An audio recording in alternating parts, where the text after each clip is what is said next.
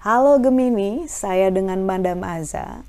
Kita bacakan sekarang kartu tarotnya. Yang pertama kita bukakan adalah untuk karir ya. Karirnya Gemini, kartu yang dikeluarkan adalah The Tower. Siapa sih yang bisa bilang kalau Gemini itu nggak keren ataupun hebat dalam hal pekerjaan?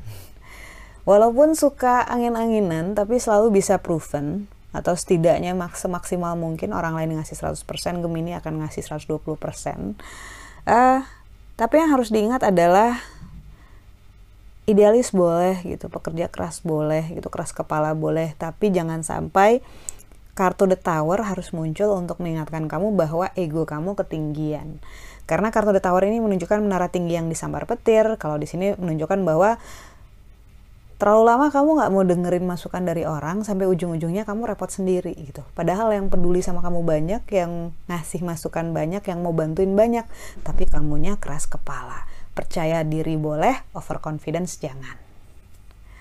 Kemudian kartu yang kedua untuk percintaannya Gemini.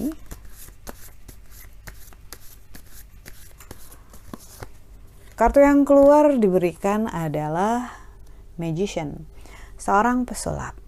Ini menunjukkan optimisme. Ya. Sebenarnya ini lebih kayak kalau kamu punya keinginan yang kuat untuk mewujudkan harapan kamu dan apa pun yang sedang kamu rintis dalam hal percintaan kamu, itu bisa kejadian. Masalahnya, apakah kamu yakin kamu benar-benar pengen itu kejadian atau cuma karena kamu iseng aja atau kamu ingin membuktikan dirimu sendiri? Nah, kalau yang terakhir, sebaiknya hati-hati karena takutnya nanti kamu menyakiti perasaan orang lain tanpa kamu sadar. Gemini suka gitu kan ya.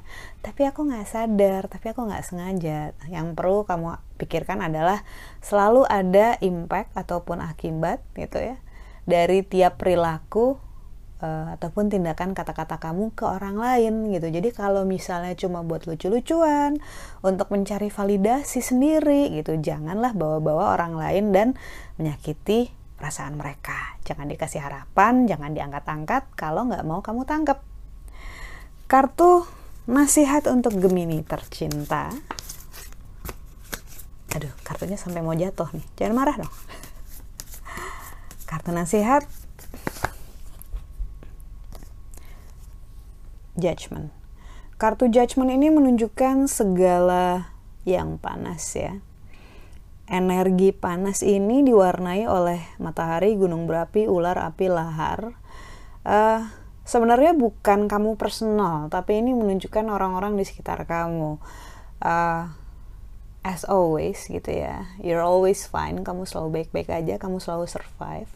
Tapi masalahnya orang-orang di sekitar kamu kayaknya lagi perlu banyak bantuan dan di situlah peran kamu sebagai tanda kutip penasihat spiritual eh, yang tidak pernah goyah.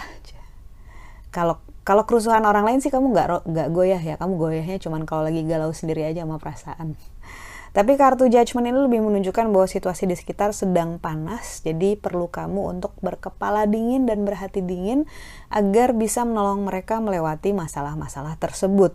Tidak akan personal kena ke kamu, tapi tentu saja ada imbasnya kan, karena kalau sekeliling kamu nggak enak, nggak nyaman, panas, otomatis kamu juga akan kegerahan meski mungkin sedikit. Jadi save your energy gitu. Dan uh, berperanlah di mana kamu perlu berperan, bantu yang perlu dibantu. Kalau misalnya ada yang harus kamu cuekin karena menurut kamu itu adalah bagian mereka untuk melewati sendiri juga nggak apa-apa. Intinya di sekeliling mungkin akan ada gangguan ataupun disturbance walaupun tidak langsung uh, efek ke kamu. Sekian bacaannya. Bantu saya agar bisa terus membacakan tarot ini tiap minggu dengan cara bantu like, share, dan juga tentu saja subscribe. Terima kasih banyak. thank you